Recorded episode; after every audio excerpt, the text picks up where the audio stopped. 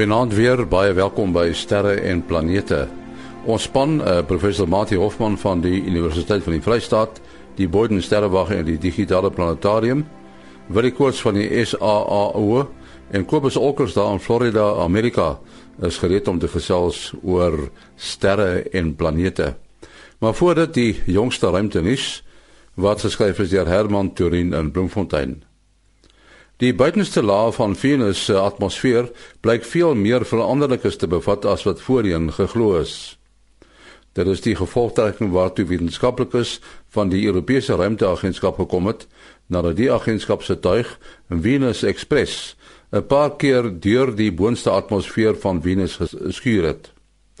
Venus Express het in April 2006 by die buurplaneet aangekom en 'n lang lys take verrig met opnames van die oppervlak en die atmosfeer. Met sy brandstof wat haas uitgeput raak, is besluit om toetse in die boonste laag van die atmosfeer van Venus te doen. Die tuig het uiteindelik 'n hoogte van laer as 130 km bo die oppervlak bereik. Dit is hierna weer tot 'n hoogte van tussen 460 en 63000 km bo die oppervlak geneem. Tussen 165 en 130 km bo die oppervlak het Venus se atmosferiese druk met 1000 keer toegeneem. Die Venus Express was ontwerp om met sy aankoms by Venus in die atmosfeer gerem te word, sou die ander meganismes wat ingespan is om die tuig in 'n wentelbaan te kry nie werk nie. Dit was toe egter nie nodig nie en is nou ingespan. NASA het samesprekings met amptenare van die Afrika Unie in Addis Ababa gevoer om bestaande samewerkingsprogramme uit te brei. Die programme sluit in landbou, opvoeding, die versagting van die impak van rampe en die gebruik van die toepassing van NASA se navorsing oor aardwetenskappe. Daar word reeds op landbougebied, regeringskunde en veiligheid saamgewerk. Tot sover in tennis wat geskryf is deur Herman Torin in Bloemfontein. En nou sit hy weer uh, vir Kobus Olkers daar in Florida in Amerika waar dit nou so 'n bietjie koel cool is om te praat oor die ding wat warm maak en dit is die son. Goeienaand en nie goeienaand luisteraars. Ja, ons ou vriend soos ons verlede week gesê het is terug. Uh ons die aktiewe area wat vir ons 'n paar groot X-vakkels gegee het so maand terug. Ehm um, hy's nou terug. Hy het toe hy so net om die kant van die son gekom het, het hy so een of twee M-klas vakkels gegee en ons nou onthou van verlede week af Dit beteken hulle is erg, maar hulle is nie so erg nie, nie, nie so erg vir die mensdom nie.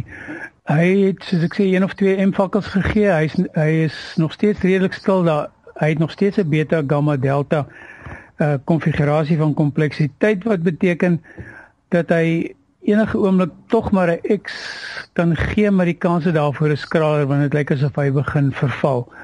Ehm um, indien dit sou gebeur, uh kan dit nie te goed wees uh vir ons kommunikasie nie uh, en ons moet osself maar gereed maak as daar dalk 'n bietjie van 'n 'n fakkel kom want hy sal hy is nou juist baie mooi geo-effektief waar hy nou sit. Hy moet binne die volgende paar dae weer aan die ander kant van die son uh weg weg te beweeg. Dan het ons uh twee filamente in die noordelike halfrond van die son wat uh, ook wat ook geo-effektief is wat selfs al veel in die baie groot uh uitstraling nie kan hulle die die geomagnetiese omgewing redelik beïnvloed wat beteken ons kan ons krag kan beïnvloed word uh, as hulle as hulle sou afgaan of uh, uh, ons ons uh, langafstand internet wat oor koperdraad kom. Hierdie week het ons nie eintlik enige uh korona gehad om van te praat nie. Uh So die agtergrond van die son, die agtergrond van die uh, sonwind wat die son vir ons gee is is, is redelik is redelik goed. Uh, hy wys noordwaarts, so hy kanselleer nie eintlik die aarde se magneetveld nie. Dit lyk redelik goed. Ons het vroeër in die week, ehm um, ek dink maandag, dinsdag se koers uh het ons gekry dat die aarde se magneetveld 'n bietjie verswak is deur 'n klein uh fakkel wat gekom het en dit het vir ons vreeslike mooi auroras gegee in die, in die poolstreke, maar dis omtrent al wat mense sou sien. So alles en alles 'n baie interessante son, maar daar's niks eintlik om voor bang te wees op hierdie stadium nie. Jou kontakbesonderhede? Dis kobusolkers@gmail.com, k o b u s o l c k e r s by gmail.com. Ja, baie dankie. Kobusolkers en uh, hy praat van Florida in Amerika. En nou praat ons met ons span, dit is uh, professor Mati Hofman en Willie Koorts. En uh, ons sal moet begin met met uh, wat aangaan op uh, Churyumov Gerasimenko, die komeet met die maklike naam. en dit is nou Philae wat daar sit, die uh, klein uh, amper landingstuig wat van die Rosetta af uh, geland het of moet ek sê gehop het op Philae. Uh wat is die jongste inligting wat ons gekry het, uh, Mati? Uh ja, en dit was 'n opwindende week, uh, groot afwagting en uh uh so 'n bietjie teleurstelling ook. Party mense dink ek het die teleurstelling dalk 'n bietjie ver gevat, uh, ver geneem en gedink uh omdat alles nou nie so uitgewerk het presies soos hulle beplan het met die landing nie. Uh die uh, soos wat ons nou al weet, het die Philae tuig twee keer ge, uh, twee keer gehop en dis drie keer geland. Uh dit is beslis nie wat in gedagte gehou is nie, maar die ongelooflike is is dat ten spyte daarvan hulle amper 60 ure se data kon geneem kry met verskillende instrumente en hulle kon dit net net al daai data wat geneem is betyds afgelaai kry voordat die battery wat vooraf gelaai was pap geword het. Ons weet dat die groot probleem was dat die tuig uiteindelik grootliks in die skade weer beland het en net 'n bietjie son vir sy sonpanele gekry het en hulle toe teen die tyd gewerk. Uh maar hulle sê hulle kon 80% van die uh werk doen wat hulle beplan het vir die eerste fase en die eerste fase was wat hulle kon doen met die battery wat gelaai was. Die volgende fase sou wees wat hulle sou kon uh kon uh, metings wat hulle sou kon doen deur weer die batterye met die baie flou sonlig want dit is op 'n afstand van 500 miljoen kilometer uh wel vanaf die aarde. Dis 'n uh, baie flouer sonlig is wat ons hier op die aarde kry. En uh uh hulle het wel so laaste desperate in so laaste desperate poging het hulle die tuig kon 4 cm lig deur sy pote te laat rek. Uit so 'n meganisme en hulle kon hom 35 grade roteer sodat hulle 'n groter sonpaneel in die son, uh, son kon kry. So uiteindelik is die tuig toe nou uh kon sien maar aan die slaap, maar daar is 'n skraal hoop dat soos wat hy nader aan die son kom en dit duur voort tot Augustus volgende jaar, so nog 'n hele klompie maande dat die sonlig helderder gaan dit gaan natuurlik helderder word en dat dit dan genoegsaam sal wees om die battery te laai. Die tuig het ongeveer 5 watt of 6 watt nodig om sy rekenaar te reboot. Uh so die sending is nie klaar nie, mens ook in gedagte hou dat die uh, Rosetta tuig is nog steeds daar langs die komeet en hy gaan voort met sy waarnemings. En dit gaan natuurlik baie interessant wees en hulle sal graag die landingstuig aan die gang wil kry want 'n uh, komeet se aktiwiteit met ander woorde wat hy uit sy uit uh, dit wat hy kan vrylaat al daai gasse gaan toeneem soos hy nader aan die son kom. So daar lê 'n interessante tyd voor maar ek, net voor ons uh, uh, opname het ek nou daarom so laaste paar feite hierso gekry. Een van die interessantes is dat daar's 'n instrument, uh, die COSAC C O S A C tuig wat uh, hulle sê in sniff mode. Dit sê kon sien nou maar reukmodus werk, so hy kan dan optel wat se molekules daar net net bo die oppervlak is en hulle het wel organiese molekules gevind. Uh ek hulle sê nou nie hierso presies watter organiese molekules en hoe ingewikkeld hulle is nie.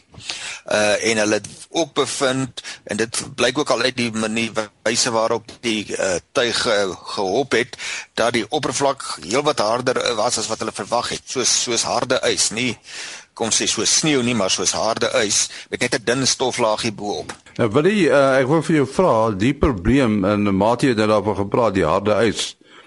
Die probleem wat wat uh, hulle voorsien as die komeet nader aan die son kom dat van daardie ys uh, gaan begin smelt en dat die komeet gaan loskom, is dit 'n groot probleem. Dit laat my baie maal terugdink aan die uh, eerste maanlandings. Nou as 'n mens gaan oorspronklike foto's kyk van die eerste maanlandings, uh, dan nou uh, direk na die small step for mankind uitspraak is daar 'n klomp um, eintlik selfs voor dit uh, toe die tuig net op die maan geland het, was daar 'n klomp uh, gesels oor hoeveel het die voete weggesak ensovoorts ensovoorts en en as 'n mens nou terugdink aan die maanlandings, dan was daar 'n klomp onbekendes oor hoe sal dit wees as jy 'n uh, gewig van 'n van 'n lander op op uh, op op die maan neersit ensovoorts ensovoorts. So hierso het ons natuurlik 'n heeltemal 'n soortgelyke scenario dat nog nooit uh, tevore het hulle enigiets geland op 'n komeet nie. So ons het allerlei teorieë oor oor die samestelling van 'n komeet en ons weet dit is stof in in in ys of of of uh, uh, ons praat altyd van 'n vuil sneeubal is die gewone scenario. En um, so maar hoe presies hoe hard is die ding want hulle kon die temperatuur natuurlik al meet dis minus 70 grade nou um, mense wat uh, miskien weet van droë ys uh, uh um, dit is wat is dit koolstofdioksied wat gevries is nê nee? uh is by omtrent minus 60 so so ons weet hoe hard byvoorbeeld droë ys op die aarde is maar natuurlik dit is suiwer droë ys so dit wil sê uh dit uh daar's hier 'n klomp ander grond en ander ander ander gasse tussenin nie. So dit, is natuurlik nou een van die baie groot onbekendes gewees en en een van die um uh uitsprake wat ek gesien het het hulle gepraat van dit is so goed soos jy gaan land op 'n trampolien en um, dit is natuurlik deel van die rede hoekom die die tuig so hoog in die lug opgeskiet het maar ook natuurlik sy eie landings um gear wat noem jy dit die onderstel die landingstuig ja ja, was was ontwerp om om baie van die skok te absorbeer en en die aard van die saak omdat die stuwers wat hom sou afdruk nie gewerk het nie, was was dit um, was dit 'n bietjie van 'n probleem geweest en die harpoene wat nie afgegaan het nie. Dit is eintlik nou alles alles nuwe grond hierdie en so ook dan wat gaan nou ge begin gebeur as die komeet uh, nader aan die son kom en en hierdie outgassing, hierdie uitgassing van van gasse, uh, dit is eintlik nou die die gas gasgedeeltes want ons praat nou weer van die vuil sneeubal so daar is daar is grond en dan is daar ook gevriesde gasse. En die gasse begin nou te ontdooi en en uh omdat jy dit direk dit aan die ruimte aan die vakuum van die ruimte blootstel en dit is 'n interessante ding dat geen vloeistof kan in 'n vakuum bestaan nie. So die goedes verander direk van 'n van 'n vaste stof, 'n ys na gas. Ons praat van sublimeer. So hulle gaan nie deur die wa waterstadium of die vloeistofstadium nie. Nou het ons natuurlik uh, hierdie flieks in ons koppe van Armageddon of wat was Armageddon en en en uh, wat was die ander flieks se name gewees wat hulle ja, die, die impact en so. Ja, ja, wat hulle dan klik met die pendeltuig op die komeet gaan land het wat natuurlik heeltemal onmoontlik moontlik is. Ons het nou gesien hoeveel energie en hoeveel spoed dit het gekos net vir hierdie klein landertjie om om uh, die komeet in te vlieg en dan en dan te rendezvous met hom. Net 'n interessante ding terwyl ek daarvan praat, die die die vorige verbyvlug van 'n komeet uh, was natuurlik die Giotto wat ook uh, in in ESA 'n uh, uh, ruimtetuig was en dit was in hierso in 1986 daar rond as ek reg onthou. En uh, toevallig was was Sutherland daai tyd ook betrokke geweest want um, tydens die verbyvlug was was hulle moes hulle sekere data en waarnemings doen en wat ook al. So hierdie is natuurlik al weer 'n Halley's komeet geweest. Dit was Halley's komeet. Halley's komeet. Dit is presies. Ja, ja, ja. So hierdie is natuurlik nou 'n baie volgende stap om nou regtig die komeet in te vlieg. So so so soos Mati ook gesê het dat ehm um, party mense beskou uh, of konsentreer nou baie op die falings en wat verkeerd gegaan het, maar ehm um, die net net Rosetta se se invlieg van die komeet en dan saamvlieg is al is al 'n geweldige prestasie en soos een van die spanlede dit genoem het die die landing van Vila is is eintlik die die kersie op die koek. Die kersie het al baie goed geblom en ontwikkel en soos baie nou gesê 80% van die wetenskap teruggebring het. Ja, so ons hoop nou as die komeet nou soos jy nou sê daar's nou een gevaar dat die komeet gaan nou vreeslik begin te kook en borrel en en en blaas en te kere gaan as dit nader aan die son kom. Die die ander voordeel is natuurlik dan gaan Vila se sonpanele gaan meer lig, sonlig kry en dan gaan hopelik uh, veel hy weer wakker word. Dit is geprogrammeer om om van self wakker te word en te kommunikeer ensovoorts. So uh, ons ons hoop nog dit dit dit gaan gaan gebeur voordat hy moontlik weggeblaas word van die komeet af. Nou goed, Mati, 'n ander ja. storie. Ja. Uh, ons dink altyd uh, as ons aan sterrestelsels dink, dat daar's nou 'n klomp uh, sterre, sonne in so 'n stelsel. Ons eie stel sterrestelsel is natuurlik die Melkweg en dan die groot Andromeda, die die bekende sterrestelsel wat so 2,4 miljoen ligjaar weg is. Maar is daar sterre tussen die sterrestelsels of is dit net leeg? En nee, ja, as ek nou met 'n uh, analogie begin, as ons nou in die uh in die nag op 'n mooi donker aand na buite toe kyk, dan kry ons die idee al wat hier om ons is is sterre. Maar as jy nou begin teleskope gebruik, dan weet jy gou, nee, maar daar's baie uh, gaswolke tussenin en donker wolke wat jy met teleskope kan sien. Party goed kan jy nie eers sien nie. Uh jy lê maar af dit is daar weens die effek by wyse van gravitasie op die omgewing. So vanaf 1923 het ons uh, ook begin besef dat daar baie meer is as wat ons met teleskope hier in ons eie Melkweg kon sien. Uh want hulle het uh eerstens die nabygeleë voorwerpe in in relatiewe terme, die Andromeda nevel en dan die twee Magellaanse wolke, omdat hulle die afstande kon begin bepaal het hulle besef dit is nie groot uh nevels en met sterre binne in in ons eie Melkweg nie, dit is sterrestelsels op hulle eie ver buite ons uh, melkweg en soos die volgende dekades verloop het is letterlik letterlik duisende van hierdie ander sterrestelsels uh, ontdek en die groot prentjie wat uh, begin ontstaan het is dat uh, die heelal grootste grootliks leë ruimte is en dan jy nou hierdie pragtige sterrestelsels baie van hulle is in die vorm van spiraalwiele wat dan nou in hierdie leë ruimte bestaan en dan is feitelik al die materie van die heelal saamgetrek in hierdie sterrestelsels wat maar ou versprei is. Maar nou het ek dit so in die stilligheid is 'n uh, lyk my 'n baie belangwekkende ontdekking gemaak deur twee relatief nederige uh sendings en dit is die sogenaamde uh sondes of sounding rockets uh Kobus Olkers het nou on, onlangs verwys na die goeie werk wat met hierdie uh vuurpyle gemaak kan word. Nou hulle word opgeskiet tot so 100 km bo die aarde se oppervlak. Dis goed bo die uh, digste deel van die atmosfeer. En dan gaan hulle nie in 'n baan om die aarde nie. Hulle so klompie minute in die ruimte. Maar in daai klompie minute kan hulle dan nou metings doen wat nie vanaf die oppervlak van die aarde gedoen kan word nie, want ons weet dat 'n groot deel van die elektromagnetiese spektrum wat uit die ruimte uit by ons aankom, word deur die atmosfeer geabsorbeer. En nou wat hulle spesifiek gedoen het met uh twee sendings, die 2110 en die ander 2112 uh was om die in die infrarooi gebied wat nie deur die Spitzer infrarooi ruimteteleskoop uh, waargeneem word nie in 'n ander deel van die infrarooi spektrum het hulle spesifiek gaan kyk na die kosmiese infrarooi agtergrondstraling.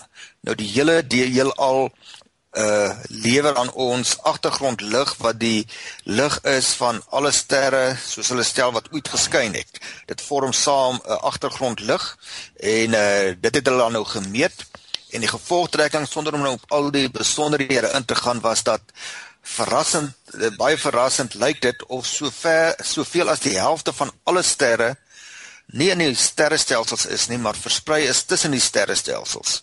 En al wat ons dan daarvan kan sien is hulle gesamentlike lig. Hulle self te dof en te ver uh om individueel te gesien te kan word. Maar hulle dra wel by dan tot hierdie lig uh so dit is 'n uh, as dit dan nou bevestig word deur uh, ander waarnemings, uh, dan sal dit dink ek een van die belangrikste ontdekkings in die laaste hele klompie dekades wees want dit laat ons skielik anders dink oor die heelal en dit open allerlei ander moontlikhede van waar vermiste barione is en so meer ek weet een van ons sterrekundiges al afgetree by ons uh, Dr. Ian Glass uh, wat eintlik ons on infrarooi fundie was al die jare eers on infrarooi instrumentasie ontdek uh, ontwikkel en toe nou later ook infrarooi kameras um, het vertel in sy in sy vroeë jare hy het eers by MIT begin in, in Amerika waar hulle um, ook uh, heelwat ballonvlugte ge, gedoen het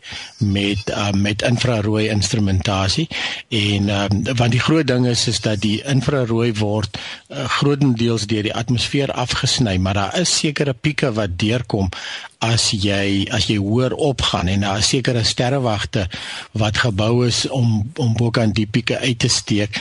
En natuurlik as jy dan nou heelwat nog hoër gaan so hoog soos 'n ballon kan gaan dan eh, dan dan kom jy eh, heeltemal aan buitekant die gedeelte. En dan het dit ook vertel van van hierdie ehm um, hierdie sondes hierdie hierdie ehm um, sounding rockets of of suborbital flights wat hulle noem wat jy net reguit opgaan so 100 km en dan jou lesings doen. En dit is ongelooflik wat wat jy alles uh, kan doen. En dan miskien net iets anders um, nou die dag het hier 'n vraag opgekom uh, dink nie het gevra wanneer is die Andromeda galaksie sigbaar?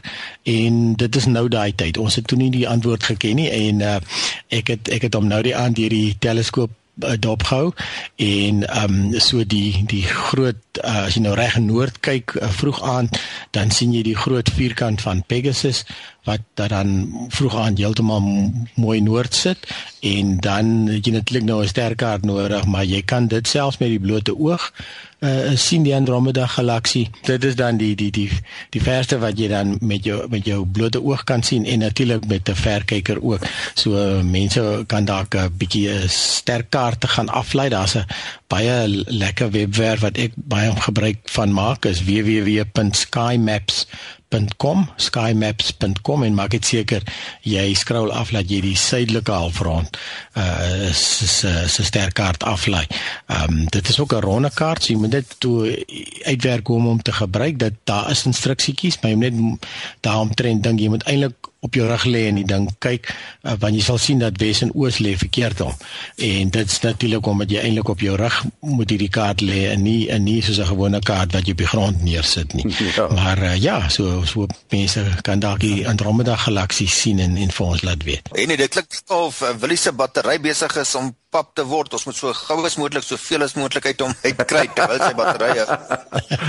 maar ja. julle julle klink dieselfde. Nou weet ek nie of dit my lyn is nie. Nee, so Kobus, so Kobus se probleme. Ja, ja, ek dink dit is Kobus se probleme. En die son wat vir ons 'n bietjie daar probleme gee. En Mati, ja. die die die die sterre wat nou so sogenaamd so tussen die ander sterrestelsels is. So hulle is nie deel van stelsels nie. Nou wonder ek net hoe is hulle beweging? Wat bepaal hulle beweging? Want in die stelsels is dit die waarskynlik die gravitasiekolk wat uh, die beweging van die sterre bepaal. Maar hierdie wat ja. tussen die stelsels is, wonder ek wat bepaal hulle bewegings. Ja, dit uh, dit lyk vir my die hulle oorsprong is geleë in uh, baie botsings wat tussen die sterrestelsels plaasgevind het. So mens kan jou voorstel dat daar in daardie ingewikkelde dinamika van een stelsel wat uit sê nou 100 000 miljoen sterre bestaan wat bots teen 'n hoë spoed met 'n ander stelsel en uh so jy het nou al hierdie sterre en tussenin het jy 'n uh, leerruimte en nou beweeg hierdie stelsels deurmekaar maar jy het hierdie uh as jy in die groot prentjie dink het jy die groot gravitasie van een stelsel wat inwerk op die ander maar op die as jy na die detail dink dan kan jy dink aan hierdie aan een ster en 'n ander ster wat naby hom is. So uh, tussen al daardie duisende miljoene sterre gaan daar dan 'n uh, redelike aantal wees wat dan nou uh weens naby interaksie uh daartoe lei dat bepaalde sterre uitgeskiet word dat hulle ontsnap snelheid opdoen ten opsigte van daardie uh stelsels se uh, se uh, gravitasie. En dan beweeg hulle nou in die ruimte en hulle is dan teen hulle te aanvangspoed gekry en hulle sal nou uh wel die groter gravitasievelde voel. Dalk word hulle later deur 'n ander uh, sterrestelsel weer nader getrek maar ek dink hulle beweging word hoofsaaklik bepaal deur die spoed wat hulle gekry het toe hulle uit 'n sterrestelsel uitgeslinger is. En dit lyk dan nou of daar baie meer sulke sterre is as wat aanvanklik uh, verwag is. En nou wonder ek nogal of hierdie simulasies van die botsings van die sterrestelsels al verfyn genoeg is uh dat hulle sal kan simuleer wat se persentasie van sterre deur so 'n botsing uitgeslinger kan word. Maar dit lyk of dit dan baie meer is as wat verwag was. Ja, die die interessante ding is nou ek het die vraag nou eendag gehad oor hierdie botsing van sterrestelsels. Uh, dit klink nou na uh, asof iets vreesliks gaan gebeur, maar in 'n sekere sin is dit asof twee wolke in mekaar beweeg, nee, Mati? Ja, dis nogal 'n goeie analogie want jy het uh, in 'n wolk het jy nou hierdie uh, watermolekuule of of liewer baie klein waterdruppeltjies en tussenin is dit uh, is daar nou maar ander gasse, die wat in die atmosfeer voorkom. Ehm um, so dit is so 'n baie sagte botsing. Uh wat hulle voel mekaar se kragte. Uh dit sal seker in rare gevalle gebeur uh dat twee sterre fisies te mekaar bots en dan uh, verenig. Dit gebeur dat sterre regtig bots en dan tot 'n uh, groter ster aanleiding gee of dalk selfs tot uh, iets wat te genoeg is om 'n neutronster of so te word. Ehm um, maar uh, dit is baie mooi die mense kan heel moontlik sulke animasies uh op YouTube gaan vind om te gaan kyk hoe lyk dit as sterrestelsels uh, bots. Dit is nogal 'n skouspelagtige uh, proses en uh wel hulle kan dit met rekenaars simuleer tot 'n redelike mate van akkuraatheid en jou simulasies kan jy gaan vergelyk met voorbeelde. En daar bestaan baie stelsels waar jy 2 of 3 sterrestelsels kan sien en dan kan jy sien wat die effek was. Daar gewoonlik is daar 'n soort van 'n stert wat uittrek maar jy kan sien daar was 'n interaksie en die sterrestelsels lyk nie meer soos hulle gelyk het uh voor die botsing. Ons weet hoe lyk 'n geïsoleerde sterrestelsel of al is dit nou 'n spiraalsterrestelsel is en na so 'n botsing lyk dinge 'n bietjie anders. Daar's iets oor van die oorspronklike stelsel, maar dit dit is 'n uh, verskeidenheid van moontlikhede. Is nou moeilik om te sê hoe lyk die fotos, uh, maar dit is 'n interessante ding om te gaan uh, gaan soek op die internet. Ja, die vraag is natuurlik wat gebeur met die met die gravitasiekolke wat naby mekaar kom? Ja, dit gravitasiekolke kan versmelt tot groter gravitasiekolke en dit is wat waarskynlik in die middel van sterrestelsels gebeur en dit is hoekom vat nou maar ons eie uh, Melkweg dat daar 'n gravitasiekolk is. As ek reg onthou, het sy massa meer as 2 miljoen keer die massa van die son. So dit is nou maar uh sover ek verstaan sterre wat uh, gebots het en toe uiteindelik 'n hoog genoeg massa het om 'n gravitasiekolk te word en dan kan hulle weer bots en word 'n groter gravitasiekolk die, die interessante ontdekking wat gemaak is is dat wel baie ander sterrestelsels het 'n soortgelyke gravitasiekolk. Ek weet nie of dit almal is nie. En hoe groter die sterrestelsel is, hoe groter is die in die, in dieselfde mate, se eweredigheid. As die sterrestelsel twee keer groter word, dan word die gravitasiekolk in sy middel ook twee keer uh, meer massief. Ehm um, dit maak verband hou daarmee dat die die digtheid van sterre in die middel van 'n sterrestelsel uh ook skaal volgens die totale massa van daardie sterrestelsel. Ehm uh, die bevinding is dat uh, as jy nou die grafieke gaan te teken van die grootte van die gravitasiekolk uh en dit kan hulle meet deur die beweging van sterre rondom daardie gravitasiekolk uh, te kan meet. En daar dit moet jy ook weer eens in die infrarooi doen uh met baie groot teleskope en uh aanpassingsoptika om daai baie fyn uh waarnemings te kan maak. Ehm um, en as jy dit op die grafiek gaan sit, dan kry jy 'n mooi reguit lyn van die grootte van die gravitasiekolk teenoor die grootte van die sterrestelsel. Nou goed, ons moet nog gelukkig uh, afsluit. Wil jy jou besonderhede? Uh ja, mense kan bel SMS WhatsApp 0724579208.